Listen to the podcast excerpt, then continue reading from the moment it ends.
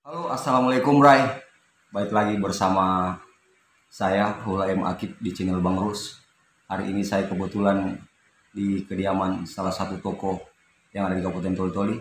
Beliau mantan ketua DPRD periode 2014-2019 dan beliau terpilih lagi menjadi anggota dewan.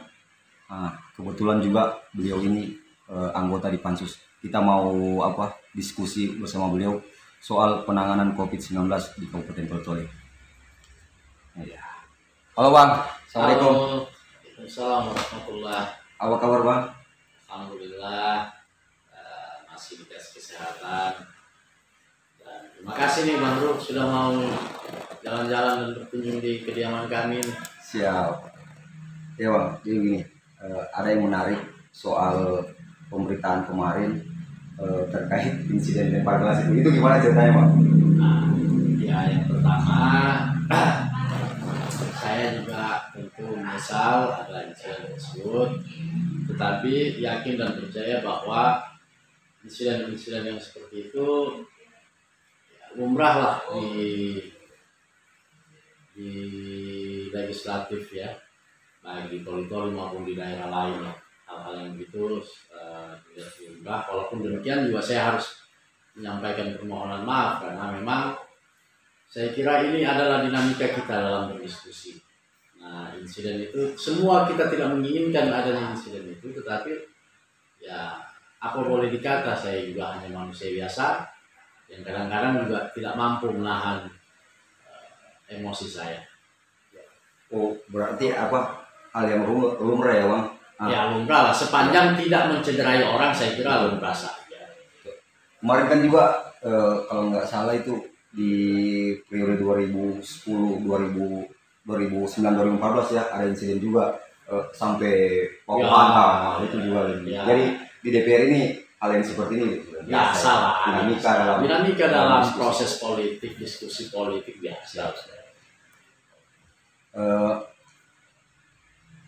ini kan apa COVID-19 eh, hampir tiga bulan eh, kita melakukan apa PSBB kalau di bukan juga sih PSBB lockdown. Jadi berapa perbatasan ditutup? Ada tiga perbatasan ditutup. Nah kalau menurut abang bagaimana pemerintah eh, menangani COVID-19 yang ada di Kabupaten Toli ini Yang pertama yang saya mau terangkan bahwa memang dari awal pemerintah kita ini setengah hati. Kenapa saya menyampaikan setengah hati? Kita tidak jelas nih status kita Kabupaten Toli-Toli ini apa.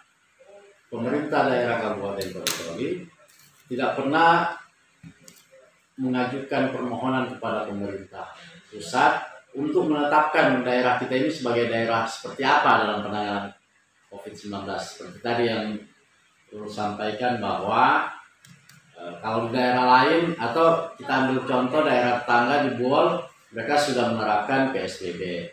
Bahkan kita untuk skop yang lebih kecil lagi, misalnya menetapkan daerah kita sebagai transmisi lokal sampai hari ini kita belum pernah menetapkan itu. Berarti soal penetapan ini ini poinnya bang, nggak jelas. Iya, mak. Artinya saya mau bilang pemerintah daerah setengah hati dalam penanganan COVID ini. Dari mulai dari penentukan penentuan kawasan kita daerah kita se- sebagai kawasan apa itu tidak jelas nah, apalagi dengan penanganannya maksud saya berarti eh, apa statusnya ini dulu di apa ditetapkan ya bang, sehingga ini menjadi apa eh, acuan kita untuk bagaimana men- mendesain untuk penanganannya. ya betul. Makanya sangat penting untuk sedari awal pemerintah daerah ketika misalnya kabupaten Toli ini Toli Toli ini sudah ada korban keluarga kita yang terpapar virus corona ini maka pemerintah harusnya mengambil langkah. Sebenarnya daerah kita ini sebagai daerah apa? Apakah kita tetapkan sebagai transmisi lokal? Apakah memenuhi syarat untuk kita lakukan PSBB dan seterusnya dan seterusnya? Nah ini yang sampai dengan hari ini kita tidak menetapkan apa pun eh, kondisi wilayah kita tiba-tiba kemarin pemerintah daerah Kabupaten Toli-Toli menyatakan bahwa kita menyongsong era new normal padahal kita belum pernah ada status apa-apa pun Artinya kalau belum ditetapkan sebagai status apa-apa, berarti kondisi kita masih normal. Terus kenapa mau beralih ke new normal? Kalau apa yang saya tangkap maksud dari pemerintah ini bang, maksud dari pemerintah. Ya. Artinya eh, kenapa kita juga menyongsong era normal? Karena eh, hampir tiga bulan kan pemerintah menganjurkan untuk eh, stay at home, toh physical distancing, social distancing. Tentu inilah ini acuannya sehingga pemerintah eh, ikut juga menyongsong era normal. Kira-kira gitu bang. Ya kalau itu sih tidak ada masalah dalam eh, apa namanya substansinya bahwa kita secara keseluruhan bangsa Indonesia, it's okay. Ya. Tapi kan harusnya pemerintah daerah sebagai penanggung jawab wilayah juga harus lebih awal kembali saya katakan menetapkan daerah kita ini sebagai daerah apa. Oke bang, lanjut.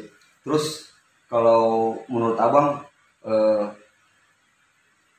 kebijakan pemerintah soal mengatasi virus COVID-19 di Tol-Tol ini seperti apa? Kan sebenarnya dengan adanya wabah pandemi COVID-19 ini, pemerintah pusat sudah mengeluarkan begitu banyak regulasi. Salah satunya di antaranya adalah misalnya instruksi Menteri Dalam Negeri nomor 1 tahun 2020 yang menyatakan bahwa untuk penanganan wabah COVID-19 maka ada tiga hal penting yang harus dilakukan oleh pemerintah daerah. Yang pertama adalah pencegahan dan penanganan penularan wabah itu sendiri. Ya. Yang kedua adalah penyiapan social safety net atau jaring pengaman sosial. Yang ketiga adalah pemulihan dampak ekonomi kalau memang kita rasakan bahwa eh, wabah ini memang ternyata berdampak terhadap ekonomi masyarakat. Dan untuk yang ketiga ini harus kita akui dengan diberlakukannya anjuran pemerintah di mana masyarakat kita disuruh uh, tinggal di rumah stay at home sekitar dua bulanan terakhir uh, kemudian physical distancing, social distancing ini mau tidak mau memang akan berpengaruh terhadap roda ekonomi masyarakat kita khususnya terkait dengan income atau pendapatan masyarakat kita. Terus sejauh ini eh, sikap pemerintah fokus di sektor apa bang? Nah, inilah yang kemudian kami akhirnya DPRD oleh seluruh fraksi-fraksi yang ada di DPRD melihat bahwa ada ketidakseriusan pemerintah dalam penanganan COVID-19 ini. Kenapa kami menyampaikan seperti itu? Yang pertama adalah sampai dengan hari ini yang kita saksikan pola penanganan COVID-19 di Kabupaten Toli-Toli hanya terfokus kepada persoalan pencegahan dan penanganan wabahnya saja. Sementara dua aspek yang lain yang sebagaimana diamanatkan oleh instruksi Menteri Dalam Negeri ini sama sekali tidak terlihat sampai dengan hari ini. Saya tidak mengatakan bahwa tidak ada langkah apa-apa. Mungkin saja setelah hari ini pemerintah daerah mau melakukan langkah-langkah itu.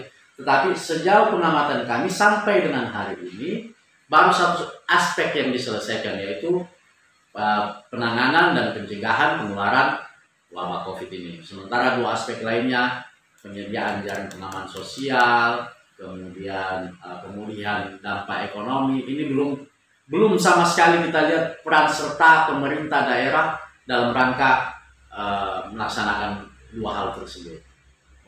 Berarti eh, fokus pemerintah hari ini sampai hari ini masih pada persoalan penanganan eh, wabah saja bang Ya, untuk aspek eh, jaring pengaman sosial sama dampak ekonomi akibat covid ini ini belum di belum apa belum belum belum terjadi ya, ya. tapi mungkin setelah ini itu bisa terjadi tapi ini kan masih belum belum apa Ya belum pasti Belum karena pasti. kita belum tahu nih apa rencana apa rencana yang akan dilakukan oleh pemerintah daerah. Sebab berapa kali kita ingin mengundang satuan tugas atau gugus tugas penanganan COVID-19 di Kabupaten Toli-Toli. Ini kalau tidak salah ingat saya ada dua kali kita mau undang RDP di DPRD tetapi tidak satupun dari mereka yang hadir. Padahal tujuan kita, kita mau mendiskusikan, kita mau men- eh, tahu benar seperti apa grand design penanganannya sehingga kita harapkan dengan kucuran dana yang besar nanti sebagaimana yang sudah kita uh, katakanlah dalam tanda petik disetujui dan nanti pasti akan kita setujui di di APBD perubahan anggaran sebesar 16 miliar sekian itu untuk penanganan wabah. Nah ini penting untuk kita pertanggungjawabkan kepada masyarakat karena ini berkaitan dengan uang rakyat yang kita gunakan untuk penanganan wabah ini. Siap, siap. Uh, kemarin kan sempat juga uh, apa abang viral tuh di sosial media uh, live-nya abang itu saya apa saya nyimak bahwa ada bantuan dari provinsi bang itu gimana tuh bang? Nah, jadi saya perlu tegaskan yang pertama kenapa saya lari? Yang pertama harus diketahui bahwa dalam pansus di awal pansus ini bergerak kita menyepakati bahwa pelaksanaan pansus ini rapatnya bersifat terbuka untuk umum. Ya. Sehingga kalau menurut saya ketika saya melakukan live tidak ada sesuatu apa pun yang saya langgar. Ya. Jadi kalau ada yang protes ya silakan protes kepada pimpinan sidang karena kita sudah menetapkan di awal bahwa ini terbuka untuk umum. Nah kalau terbuka untuk umum kan berapa banyak sih masyarakat kita yang bisa datang menyaksikan yang ada di DPRD?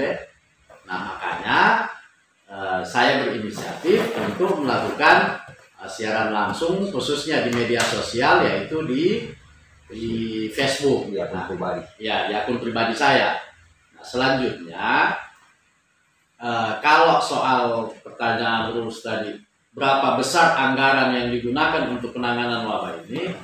Jadi dari APBD Kabupaten Toli-Toli itu ada kurang lebih 16 miliar sekian-sekian.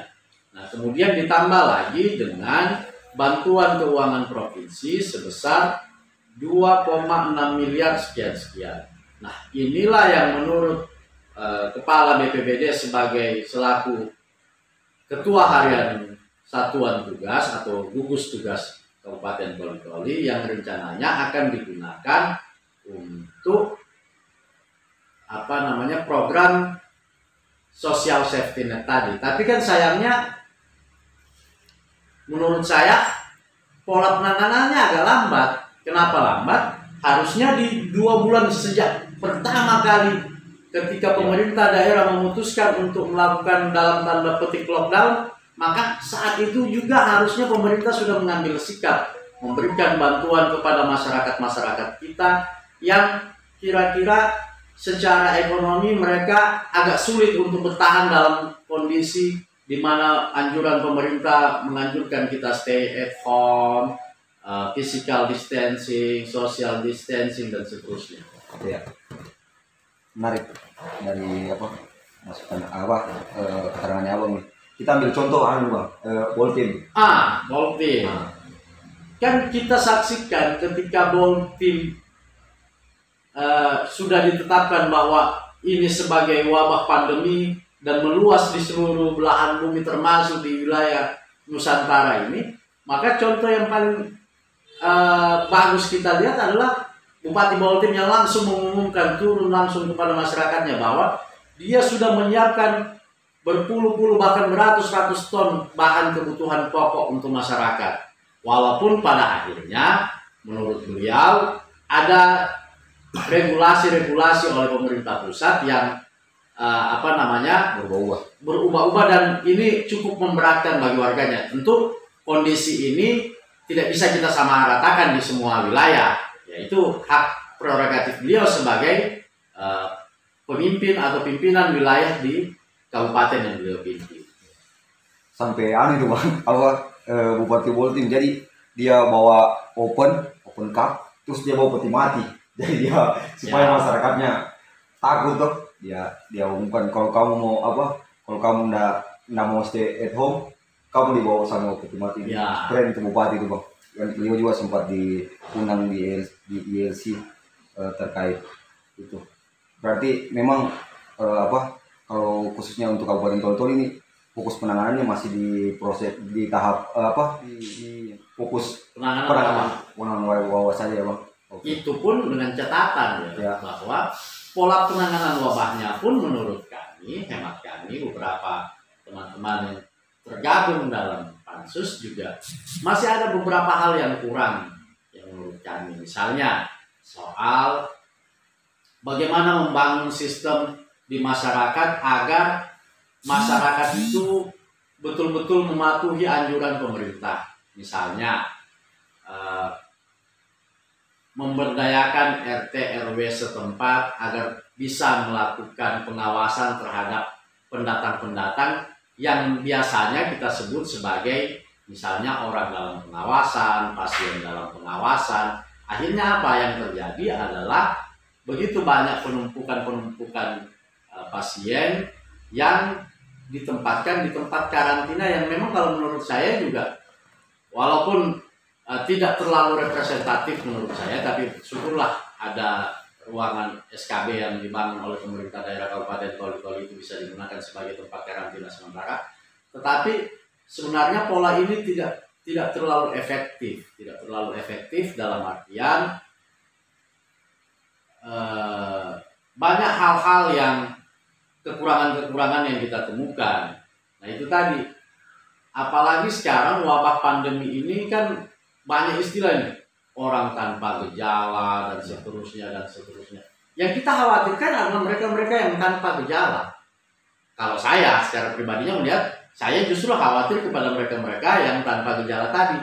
Nah, kalau mereka misalnya baru datang dan dia tidak memiliki gejala apa-apa, kemudian sudah bersosialisasi dengan lingkungannya, nah boleh jadi dia menularkan virus-virus ini kepada orang-orang yang berinteraksi dengan dia. Nah, inilah pola membangun sistemnya. Ini yang menurut kami belum dilakukan oleh pemerintah. Belum lagi misalnya eh, saya temukan di mana beberapa pasien kita yang mereka adalah eh, mereka mengeluh misalnya mereka adalah kepala rumah tangga di keluarganya kemudian selama mereka menjalani proses karantina baik di SKB maupun isolasi rumah sakit pemerintah seolah-olah abai dengan keluarga yang ditinggalkan ini. Bagaimana kehidupan mereka sementara kepala keluarganya tidak bisa melakukan aktivitas dan memberikan nafkah kepada keluarganya. Ini saya dapatkan laporan-laporan itu langsung dari mereka bahwa tidak hampir rata-rata ya walaupun ada beberapa misalnya tersentuh dengan bantuan langsung tunai dari anggaran dana desa tetapi oleh pemerintah Kabupaten Toli kita tidak melihat ada langkah-langkah itu. Nah harusnya pemerintah hadir dalam rangka itu. Kalau menurut abang, sikap pemerintah eh, terhadap korban yang apa, yang di yang di apa, yang positif itu sebagai kepala rumah tangga apa bang? Ya, paling tidak kan pemerintah daerah bisa menyiapkan kebutuhan kehidupan masa apa keluarganya selama ia menjalani proses karantina maupun isolasi. Sehingga mereka juga masih bisa hidup. Kan ini sekarang zaman yang susah. Orang dianjurkan untuk berdiam diri di rumah, melakukan social distancing, physical distancing. Yang otomatis ini juga akan berpengaruh terhadap taraf pendapatan masing-masing kepala atau keluarga kalau mereka sudah kehilangan sosok yang kehilangan dalam tanda petik ya selama sekian jangka waktu sekian tidak bisa uh, mencari nafkah untuk menghidupi keluarganya terus menjadi tanggung jawab siapa? Kan harusnya menjadi tanggung jawab pemerintah. Jadi di sini pemerintah harus hadir ya bang? Ya. Uh, korban kepala rumah tangga. Oke bang. Lanjut. Uh, kemarin juga saya simak videonya abang itu uh, untuk pendanaan COVID-19 ini kalau menurut dari keterangannya Agung bahwa habis di itu maksudnya apa bang? Nah itu juga lucu juga. Kita sekarang bicara ketika bicara operasional.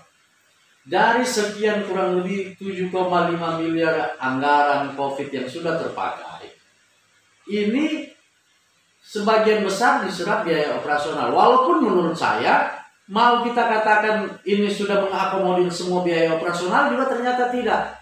Apa buktinya?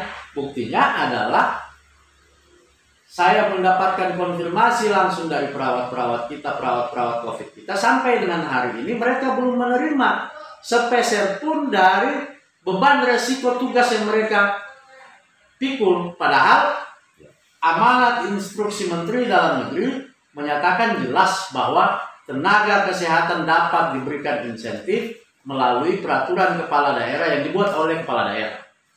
Oh, menarik nih bang. Berarti apa persoalannya itu bang sampai eh, apa dengan anggaran yang sebanyak itu terus belum juga mencukupi untuk pembayaran eh, tenaga-tenaga medis. Kalau soal masalah, inilah kenapa kemudian pansus kita bentuk karena begitu banyak masalah yang kita temukan. Ya. Sehingga kita harapkan dengan eh, terbentuknya pansus di DPRD ini kita bisa mengurai masalah-masalah itu dan kemudian tentu harapannya nanti kita dapat memberikan solusi dan solusi itu bisa langsung dieksekusi oleh pemerintah daerah kita. Nah. Keren, keren, keren. Ya ini bang, eh, apa boleh eh, apa kita lari sedikit pembahasan? Boleh Ah. Kalau Bang Rus apa sih? Asik. Iya bang. Eh, jadi sebelum saya wawancara abang kan saya eh, apa riset dulu ancaman Ya. sehari terus ini. Saya sempat baca eh, berita dua bulan dua bulan Februari ada surat tugas yang diamanatkan untuk eh, apa ketua DPC di apa di berbagai daerah. Kalau nggak salah itu ada tiga eh, Luwuk, Parigi, dan Toli Toli itu surat tugas dari Gubernur eh, Pijanggola soal pencalonan bupati. Kalau yang saya ini saya mau tanya nih bang bagaimana bang menanggapi surat tugas itu Ya, tentu yang pertama sebagai jadi saya luruskan bahwa kedudukan Pak Longki bukan sebagai gubernur Sulteng ya, tetapi selaku ketua DPD ya ya Partai ya Gerindra. nah betul Itu betul satu hal. nah Jadi selaku kader tentunya saya eh, siap saja menerima tugas dan tanggung jawab yang diberikan oleh partai kepada saya. Hanya saja memang dalam kondisi saat ini saya harus akui bahwa kondisi kesehatan saya belum memungkinkan untuk dicalonkan sebagai calon bupati maupun calon wakil bupati. Sehingga saya sampaikan alasan ini kepada ketua DPD Partai Gerindra bahwa eh, kondisi kesehatan saya seperti ini dan saya mengikuti anjuran keluarga besar saya yang menyatakan menyarankan saya untuk fokus dulu pada pemulihan kesehatan soal eh, apa namanya pencalonan bupati yaitu urusan yang lain lah. Tapi prinsipnya saya sebenarnya ingin sekali ikut bertarung dalam kontestasi pilkada ini, tetapi lagi-lagi memang yang pertama saya harus mendapatkan restu dari keluarga besar saya, utamanya kedua orang tua saya, istri saya, anak-anak dan saudara-saudara saya. Selanjutnya telah diputuskan oleh keluarga bahwa hal yang prioritas yang harus saya hadapi hari ini adalah eh, bagaimana bisa memulihkan kondisi kesehatan dulu. Jadi kita bukan lari loh ini, bukan lari dari dari tugas. Jadi jangan dikira nanti saya disersi. Jadi bukan disersi. siap siap saya juga pernah dengar eh, apa eh, abang punya eh, kata-kata dulu waktu kita diskusi. Abang kalau nggak salah pernah abang bilang eh, kala itu sakit sakit eh, sakit sekali kalau kalah pedih sedikit lebih terasa. Tapi lebih sakit lagi kalau menang tapi tidak bisa berbuat apa-apa. Ya, itu jadi itu saya oh, mungkin ini maksudnya. Jadi percuma misalkan oke abang maju terus abang menang terus dengan kondisi kesehatan tidak bisa berbuat apa-apa nah ini kan juga menang tapi kalah kan menang tapi kalah. Untuk apa kita menang tapi rasa kalah? ya, Yang merasakan kekalahan, apalagi kalau kekalahan itu dirasakan oleh masyarakat kita. ya. secara pribadi kita dapat kemenangan, tetapi kalau kebijakan-kebijakan yang kita ambil ternyata tidak sesuai dengan apa yang sudah kita sampaikan pada saat janji-janji kampanye kita, berarti kita sudah mengalahkan masyarakat kita. Apa artinya? Jadi eh, persoalannya hanya hanya apa persoalannya kesehatan ya bang sampai tidak bisa ikut tapi kalau dari kemauan besar ya bang Ingin Kemauannya. sekali, ingin sekali bertarung. Jadi kalau untuk eh Gerindra sendiri siapa bang yang mau ini? Nah, kalau di Gerindra kan tentu kita memiliki mekanisme mekanisme yang dilakukan oleh partai. Nah tentu ada beberapa nama yang kita usulkan dan ini sama lah saya kira dengan mekanisme yang ada di partai-partai yang lain di mana memang undang-undang politik kita mensyaratkan bahwa untuk pencalonan bupati maupun wakil bupati harus mendapatkan persetujuan dari Dewan Pimpinan Pusat Partai Politik. Sehingga kita tunggu saja siapa yang mendapatkan rekomendasi dari DPP maka wajib hukumnya bagi semua anggota dan simpatisan eh, kader Partai Gerindra untuk mendukung keputusan partai yang sudah dibuat dalam bentuk rekomendasi tersebut. siap siap. Nah sedikit lagi bang sebelum kita tutup. Terus dari apa eh, untuk timnya abang sendiri bagaimana terkait keputusan abang ini? Ada rasa kecewa kah mereka atau ada rasa apa atau atau ada yang pindah atau ada? Kan pasti kalau calonnya yang dia jagokan tidak maju tentu kan ini pasti ada rasa kecewa kalau menurut abang bagaimana menyikapi itu Ya, politik ini kan tentu dinamis. Oh, ada orang, ada yang keluar, ada yang masuk itu hal biasa dalam dalam berpolitik. Tetapi satu hal saya ingin menjelaskan bahwa memang banyak dorongan dari orang-orang yang menginginkan meminta saya secara langsung ya. Tapi saya bukan bermaksud GR nih ya, tidak Siap, siap. tidak, tidak dalam rangka GR. Saya terima apa masukan-masukan dari bawah yang menginginkan saya tetap maju, tetapi saya sampaikan sekali lagi kondisi kesehatan mungkin hari ini masih membatasi saya untuk maju. Tetapi alhamdulillah dan sekian banyak Ya. orang yang meminta eh, saya untuk maju, mereka telah menyatakan komitmennya untuk tetap bersama-sama dengan saya bersama-sama dengan Partai Gerindra untuk mengusung siapa pun nanti yang diusulkan oleh atau yang mendapatkan rekomendasi dari DPP. Persoalan ada satu dua orang yang keluar ya itu biasa lah.